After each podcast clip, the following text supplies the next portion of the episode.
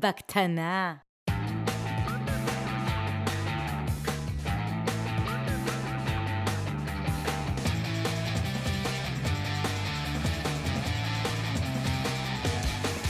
בקטנה. בקטנה. בקטנה. בקטנה.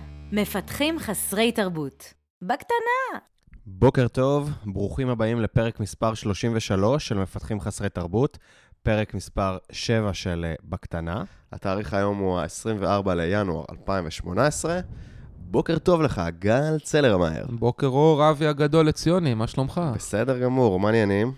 נחמד, נחמד. קצת, אה, קצת תקופה לחוצה בעבודה וכולי. ובגלל זה אנחנו מקליטים פרק של אה, בקטנה ולא פרק של בגדולה? אה, יכול להיות, אתה יודע, אני לא בטוח שזה בגלל שאין לנו זמן, אלא יותר בגלל שה-state of mind שלנו הוא כזה של בקטנה. אז למה אתה עכשיו בעומס בעבודה? אה, גם יש הרבה כאלה פרויקטים כאלה גדולים מסוגים שעד היום לא עשינו אותם, אה, שאנחנו נכנסים אליהם לאחרונה, וזה כאילו דורש איזשהו מאמץ כזה יותר אה, מכוון. גם אם זה תקופת ה, מה שאנחנו קוראים בדרופבוקס ספרייט, כן? שזה ה-performance review שלנו. אה, נשמע מעניין, זה מעניין, אנחנו נעשה על זה פרק אה, מתישהו, אבל זה זה... מה שרציתי שתגיד. כן, זה שבוע כזה שעכשיו, אתה יודע, הוא מאוד מאוד מאומץ מהבחינה הזאת. גם יש איזשהו סיניור VP שמגיע מסן פרנסיסקו שבוע הבא ומארגנים לו את הביקור וכולי וכולי, אז יש הרבה הצטברות כזה של הרבה אה, אירועים, אבל איך, אתה יודע, איך סטטיק ובן אל אומרים? the bomb? גם, אבל הכל לטובה. אה, הכל טובה. נכון, שכחתי שיש אה, עוד שיר, יש כבר עוד אחד. כן. אה, אנחנו... אה, נמסטה, נמסטה. נמסטה. אנחנו, אה, נראה לי, סיפרתי לפני איזה שני פרקים שהגעתי מהירח דבש שלי ישר לתוך פרויקט שאנחנו צריכים לסיים ב-30 לינואר. כמו שאמרתי, היום ה-24 לינואר, אנחנו, יש לנו עוד שישה ימים לסיום הפרויקט. ו? תן לנו, תן לנו איזה סניק פיק. אז uh, משהו שרציתי לדבר איתך, אז זה כאילו אולי הפרויקט הכי לחוץ שהיה לנו, לא אולי, זה הפרויקט הכי לחוץ בי פאר שהיה לנו בחברה עד כה, אבל אני מרגיש שהוא uh, מתנהל בהרבה פחות לחץ מפרויקטים uh, גדולים אחרים שהיו לנו בעבר, ועל זה קצת uh, רציתי uh, לחלוק איתך. למה זה קורה? זה קורה כי אתה מרגיש שהקבוצה הגיעה לבשלות כזאתי, שהיא פשוט כבר, אה, אתה יודע, יודעת לעבוד ודברים לא מלחיצים אותה? אז מה שהבנתי על לחץ ב, בתקופה האחרונה, בדרך כלל, מה, מה קורה? למה, למה יש אה, לחץ? זה בדרך כלל יש איזשהו פרויקט גדול שמתחיל, זה, זה בכל חברה, כן? מתחיל מ, מ, מלמעלה, כי יש כל מיני יעדים עסקיים שצריך להשיג. יש פרויקט גדול, אז מי שלמעלה לחוץ, הוא מלחיץ את מי שמתחתיו, שמלחיץ את מי שמתחתיו, וזה כזה שרשרת, אה, שרשרת לחץ כזאת, שדווקא בתקופות, בתקופה לחוצה, שבאמת יש הרבה מה לעשות, אז דווקא הלחץ הזה יכול לגרום לדברים לא טובים, זאת אומרת, יכול לגרום ל... ל אתה יודע, ל... להת, להתמוטטויות אה, עם מירכאות אה, עצבים, לאנשים שמרגישים אה, שהם לא עומדים בזה ו, וכאלה, ו, ואפשר למנף אותו למשהו מאוד טוב. ואני מרגיש ש, שפה, למרות שהיינו בתקופה מאוד לחוצה, אז זה היה באמת פרויקט שהצלחנו למנף אותו למשהו טוב, וניסיתי לפענח למה זה קורה. מה שהבנתי זה שלחץ זה הולך לשני הכיוונים. למה, למה אני בתור מנהל אה, לחוץ? אני לחוץ כי מ- מלמעלה מלחיצים אותי לסיים את הפרויקט, אבל מלמטה אני לחוץ אם אני מרגיש שאנשים לא מספיק מבינים את המשמעות של הפרויקט, או את המשמעות של מה שאנחנו אה, צריכים לעשות עכשיו, ואתה יודע, במובן מסוים אני לא סומך על זה שכל הקצוות נסגרים.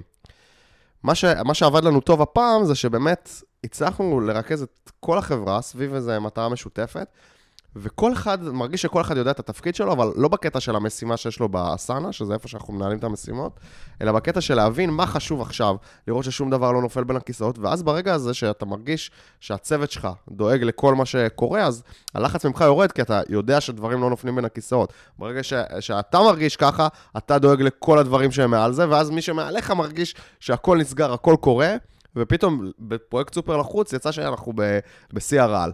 אז, אז אני מנסה רגע לנסות לטהר את זה, כן? העניין פה הוא שאתם יודעים עכשיו, אתם מבינים טוב מאוד את העדיפויות, ולכן אתם מבינים, אתם מאוד מפוקסים ויודעים על מה לעבוד וכולי, וככה הדברים לא נופלים בין הכיסאות, ואז הטראסט עולה והלחץ יורד? זה לא רק עדיפויות, זה גם... Uh...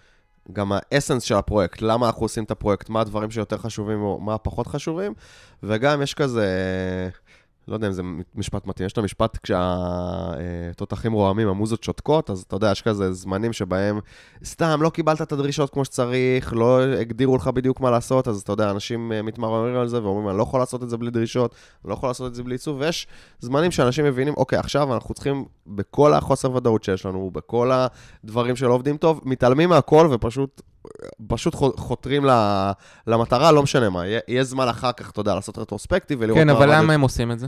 למה הם עושים את זה? כי אני חושב שכולם מבינים את המשמעות. זאת אומרת, שמנו את המשמעות בפונט. אני, כן, אז אני חושב שבאמת זאת כנראה הסיבה המרכזית. יש את, uh, אתה יודע, אחד החוקרי התנהגות הכי גדולים של זמננו, דניאל פינק, דן פינק, היה לו את המחקר הזה שאומר מה נותן לאנשים שעושים עבודת אה, אתה יודע, לא עבודה שחורה, אלא עבודה ש, שדורשת חשיבה, מה נותן להם drive, מה נותן להם מוטיבציה.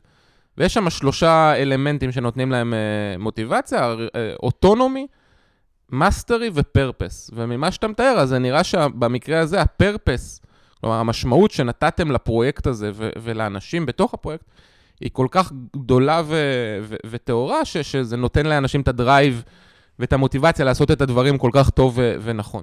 גם זה, וגם באמת אני חושב שבתחילת הפרויקט, אז אחד הדברים כזה ש, שעשיתי כזה, אה, סיפרתי בקטנה, קודם קודם, סיפרתי שבתחילת הפרויקט, אז עשינו מצגת כזה, קיק אוף כזה לפרויקט. אחד הדברים שביקשתי שם, זה בתקופה הזאת, לעשות כל מה שצריך, גם אם לפעמים, אה, אתה יודע, העדיפויות נראות מבלבלות ועושים לך קונטקסט סוויץ' או שאין את כל הדרישות, כאילו, הפעם להתעלם קצת מה, מהדברים שבדרך כלל מעצבנים אותנו, ואנחנו אומרים, חסר לי ככה, עושה לי פה, אני לא יכול לעבוד ככה, ופשוט לגרום לדברים לעבוד ולבוא, כאילו, לבוא חיוביים. זה מה שביקשתי. ונדבר על הדברים, אתה יודע, אחרי שהפרויקט יעלה, נדבר על הדברים ו- ונראה מה עשינו טוב ומה עשינו לא טוב. כן? ותדברו כן? באמת? כן, נדבר, נדבר באמת, למה לא? אין סיבה. סבבה. מה עוד? Uh, מה עוד? אה, תגיד, שמעת על, על אה, אסף רפפורט הזה? המנכ"ל החדש של מייקרוסופט. כן. שמעתי, בטח. בואנה, הוא הבן אדם בן 34. מדהים. מונה ל-R&D manager או... כאילו, הוא היה כתוב מנכ"ל של מייקרוסופט ישראל. אני חושב שבמה, אני, אני לא בדיוק יודע איך מייקרוסופט בונים, אבל מההיכרות שלי את הסוג של החברות האלה, אז, אז בדרך כלל יש כאילו את ה... את החלק ה... שהוא ממש ה-R&D, הפיתוח, כאילו כשאתה מדבר על remote site, כמו, כן. כמו המקרה של מייקרוסופט, ויש עוד חלקים נוספים שהם, אתה יודע, שהם... שיווק, דברים כאלה. בדיוק. גם בפייסבוק כביכול יש נכון. שני ראשים כאלה ב site הישראלי. אז הוא, הוא מונה ל, ל, להיות, אתה יודע, מנהל הפיתוח של ה site בישראל, והבן אדם בן 34. מדהים, אה? כן, אני קראתי... יש לי, יש לי עוד שנתיים להגיע, לפחות, שנה וחצי להגיע לתפקיד כזה. ואתה יודע, אנחנו כולנו מפרגנים לך. אמ, אבל... אבל... אני, לא, כן, אני קראתי איזה ציוץ של אה, ירדן רוזנסקי, אז אתה יודע, כתב, אה, אה, לא יודע, נראה לי בגלי צה"ל או משהו כזה, הוא, הוא כתב כזה... אה, שהוא קרא שאסף רפפורט מונה ל, ל, למנכ"ל מייקרוסופט וכולי, והוא כאילו, והוא, כל מה שהוא הצליח לעשות הבוקר היה לאכול את הטוסט בלי ללכלך את עצמו, את השולחן בפירורים. גדול. כאילו, נראה לי... הוא? הוא כתב שם בציוץ, תסתכל. שלחת לי את זה. 28, אני חושב, כן. בסדר, יש לו עוד שש שנים עד שהוא יהיה מנכ"ל מייקרוסופט. כן. אתה יודע, הצעד הראשון זה ללמוד לאכול את הטוסט בלי פירורים. לא, זה לא הוא בן 28, זה מישהו אחר, לא משנה. לא, אמ, כתב על זה בן גילי. כן, אבל אני חושב שכאילו, באמת, אתה יודע, אתה מסתכל על הדבר הזה, על אנשים שבגיל מאוד צעיר הגיעו לכל כך הרבה, וזה די גורם לך להרגיש כזה... להרהר על החיים שלך. כן, להרגיש אולי אה, אפס. אה, כן, יש מצב. אז מה, אתה מרגיש אפס? אולי, כאילו, אני לא, אבל אולי אתה, אני לא יודע. למה לא? אה, קודם כל, אני, אתה יודע, אני באמת מסתכל עליו בהערצה. זה מדהים שהוא הצליח להגיע לזה בגיל הזה. אתה יודע, כל אחד יש לו את המסלול שלו. אתה יודע, צוקרברג, שגדול ממני בדיוק בשנה, כאילו יש לנו יום הולדת בהפרש של שבוע ושנה. אתה יודע, ב... כבר לפני איזה שבע שנים היה מיליארדר, אתה יודע, כשהייתי בן 25-26, אה, הוא כבר היה מיליארדר, הרבה לפני גיל 30. אתה יודע, אני מסתכל עליו ומרגיש אפס, אה, אולי במובן מסוים כן, אבל, אה, אבל בסדר, כאילו, יש, יש אנשים מוצלחים בעולם, ותמיד יש דרגות. אני, אתה יודע, אני עושה את ההצלחות שלי, לא את ההצלחות של מישהו אחר. אז ככה אתה כאילו חי עם עצמך? אה, אני משתדל לשקר לעצמי ככה, כן, כן? פחות או יותר. האמת שיש איזה, כשאני, ב- בסיטואציה הזאת, כן, אז אני, אני, יש איזה מושג אה, יפני. אתה יודע כן. שאני, סיפרתי לך אתה לפני זה, כן. שאני מתכנן בכל, בקטנה שלנו, להכניס איזה קונספט יפני. גל קרא איזה קטע באיזה פוסט, מאז הוא החליט שכל פרק יהיה קטע יפני. כן, עכשיו, אתה, ספר לי על אתה הקטע אתה היפני. לא רצית כל כך ואמרת מה וזה, אז הנה. לא, אני זרמתי, כן, ספר לי על החוכמה היפנית שלך. לא, אז אני אגיד לך, בדיוק כשאני, כשבסיטואציות כאלה, שבה אני קורא, אתה יודע, על כל מיני צעירים כאלה שהצליחו המון וכולי, אז מה, מה מנחם אותי? אז יש איזה מושג יפני שנקרא איקיגאי. איקיגאי. איקיגאי. אתה בטוח שככה מבטאים את זה? ממש לא, אבל זה נשמע מגניב. אה, שהוא בעצם, אה, אה, הוא מתאר אה, את ה... יש איזה רצון של היפנים להגיע, הם כל הזמן רודפים אחרי המשרת חלומות שלהם. ומה המשרת חלומות שלהם אומרת? היא בעצם אגרגציה של ארבעה פרמטרים. הראשון זה שהם יעבדו במשהו שהם טובים בו, השני שהם יעבדו במשהו שהם אוהבים, השלישי שהם אה, יעבדו במשהו שנותן להם כסף, והרביעי שהם יעבדו במשהו שהעולם צריך. אה, ואם הם מוצאים את העבודה הזאת שהיא מאפשרת להם את כל הארבעה הדברים האלה, אז הם נמצאים באיזשהו סוג של פלואו מבחינתם. יש גם הרבה מחקרים שמראים שאנשים ש, שמצאו את, ה, את העבודה הזאת, אה, הם גם, אה, הם יותר מאושרים, הם חיים לאורך יותר שנים וכולי וכולי. אה, ולמה, איך זה מתקשר אליי? כי אני אומר, לא באמת אכפת לי, כאילו, כלומר, אתה יודע, הטייטל, הרדיפה הזאת אחרי אה, ההצלחה וכולי, זה, אני לא מזלזל בזה, יש בזה הרבה, אבל האיקיגאי הוא יותר חשוב. כלומר, ואם אני עכשיו מסתכל על מה אני זה רוצה... עמוק אתה, גל. נכון? כן. בכיף. מדהים. אה, אני חושב שזה גם, אה, מה שמאוד מגניב אותי בסיפור של אסף רפופורט, זה באמת שזה חשבתי בסיפור של האיקיגאי. גם, אבל אה, זה, זה היה בעצם ה- זה שזה היה כאילו בן אדם שהגיע מעולם הסטארט-אפים, נקנה על ידי קורפורייט, והיום הוא כאילו מנהל סופר בכיר בקורפורייט, זה משהו שכאילו ממש מעניין אותי להבין אה, קצת את הדינמיקה של זה. זה, הוא הגיע מאדלום? הוא הגיע מאדלום, הוא היה אחד הפאונדרים של אה, אדלום, שזה סטארט-אפ שנרכש על ידי מייקרוסופט ב-320 מיליון דולר. בקטנה. בקטנה. כן, זאת הייתה הצלחה מסחררת בזמנו. אה, בזמנו, זה היה לפני שנתיים. אה, סתם, זה מעניין אותי גם, קראתי איזה ראיון איתו, זה מעניין אותי מה זה אומר על, אה, על מייקרוסופט, על שינוי באווירה שלהם, כאילו זה, אם מישהו שהוא הגיע מעולם הסטארט-אפים מסוגל להחליט לקחת כזה תפקיד במייקרוסופט, אה, אז מעניין אותי מה זה אומר על התרבות בפנים, היה שם גם חילופי אה, מנכ"לים לפני כמה שנים, אה, שכנראה זה attributed לזה. אה, זהו, אני, אני חושב בנושא הזה. אולי נביא אותו לדבר איתנו מתישהו. טוב, אסף, אז אם אתה שומע, צור קשר. כן, נשמח, נשמח לדבר איתך על זה בהרחבה. יאללה, ואמרת שאיזה מישהו שלח לנו איזה בקשה ל- ל- שנתייחס למשהו בקטנה, נכון? כן, קיבלנו שאלה אנונימית, ממש, אנונימית ממי? ממש מעניינת. אה, אני אציג לך אותה. אה, מה קורה אם אתה מפטר מישהו, ואז אותו בן אדם מבקש ממך להמליץ עליו במקום הבא? וואו, אה, שאלה גאונית. ממש. זה משנה אם הבן אדם הזה הוא, אם, אתה יודע, אם הוא פוטר או שהוא התפטר? כלומר, אני חושב שהעניין... אני חושב שברור שזה משנה. למה? כי אם הוא, לא יודע, כשאתה מתפטר אז, אה, אז בדרך כלל אתה הצד שהחליט להתפטר, וזה לא שהמנהלים שלך לא מרוצים ממך, ואז אתה יודע, הם יכולים אה, להמליץ עליך. אז אני חושב שלא תמיד. כלומר, אוקיי. המון המון פעמים אתה, אה, בתור מנהל, מגיע לסיטואציה שבה אתה צריך להמליץ, או שמבקשים ממך המלצה, על, אה, על מישהו שלא בהכרח היית ממליץ עליו. כלומר, שמכל מיני סיבות. עכשיו, זה לא אומר שגם גם אם בן אדם שפיטרת אותו, אה, זה לא אומר שהוא לא טוב, נכון? זה לא אומר שהוא לא מתאים לחברה שבה הוא הולך אליה. זה פשוט אומר שהוא לא... שבה הוא הולך עליה, נכון. זה פשוט אומר שבמקרה, ש- בסיטואציה שהוא היה אצלך, בקבוצה, בחברה וכולי, הוא לא התאים. נכון. ולכן, אה, דבר ראשון, את הדברים האלה צריך כאילו לה- להסביר מאוד מאוד טוב. עכשיו, אני תמיד, כאילו, כשמישהו מבקש ממני להמליץ עליו, אז אני תמיד אה, אומר לו את הדברים האלה לפני, אני אומר לו בכיף, לא משנה אם זה מישהו שפוטר, התפטר, הייתי מרוצה ממנו, לא מרוצה, אני אומר לו בכיף, רק תיקח בחשבון אה, שאני אה, לא משקר, כן? אני אה, עונה על השאלות כפי שנשאלתי. השאלה אם אתה עונה עליהם בדיפלומטיות, או... אני בחור מאוד דיפלומטי. כי אני... סתם, אם, אם אתה, נגיד, אה, אה, מפטר מישהו שבואו בוא ננסה לחשוב על, על איזושהי תכונת אופי שבגללה פיטרת מישהו. נגיד, הוא אה, מתכנת ממש בינוני, הוא אחלה חבר צוות, אבל הוא מתכנת ממש בינוני. אתה, ואז ישאלו אותך איך הוא כמתכנת, אתה תגיד, סבבה, יש לו מה להשתפר, או שאתה תגיד, תכלס, הוא מתכנת בינוני ומטה. אז א', אני לא מפטר אנשים בגלל תכונות אופי, אני מפטר בגלל התנהגויות. אה, אתה, ב- בגלל תכונות מקצועיות, ולא בגלל התנהגויות.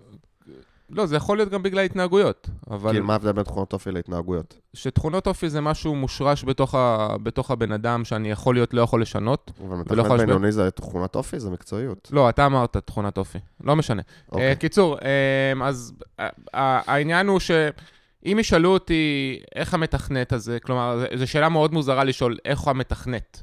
איך הוא מתכנת, כאילו, אז אני אשאל, כן, זו שאלה מוזרה למישהו שמתראיין לתפקיד מתכנת. היא לא, היא לא, היא לא מספיק כאילו clarifying, אני אשאל אותם, מה, מה, מה אתה מתכוון איך הוא מתכנת? עכשיו, אני מניח שהבן אדם, כשהוא מתכנת, ואני חושב שבינוני, אז יש דברים שהוא עושה ממש טוב, ויש דברים שהוא עושה ממש רע, נכון? יכול להיות שהוא למשל ממש ממש מהיר, אבל הוא...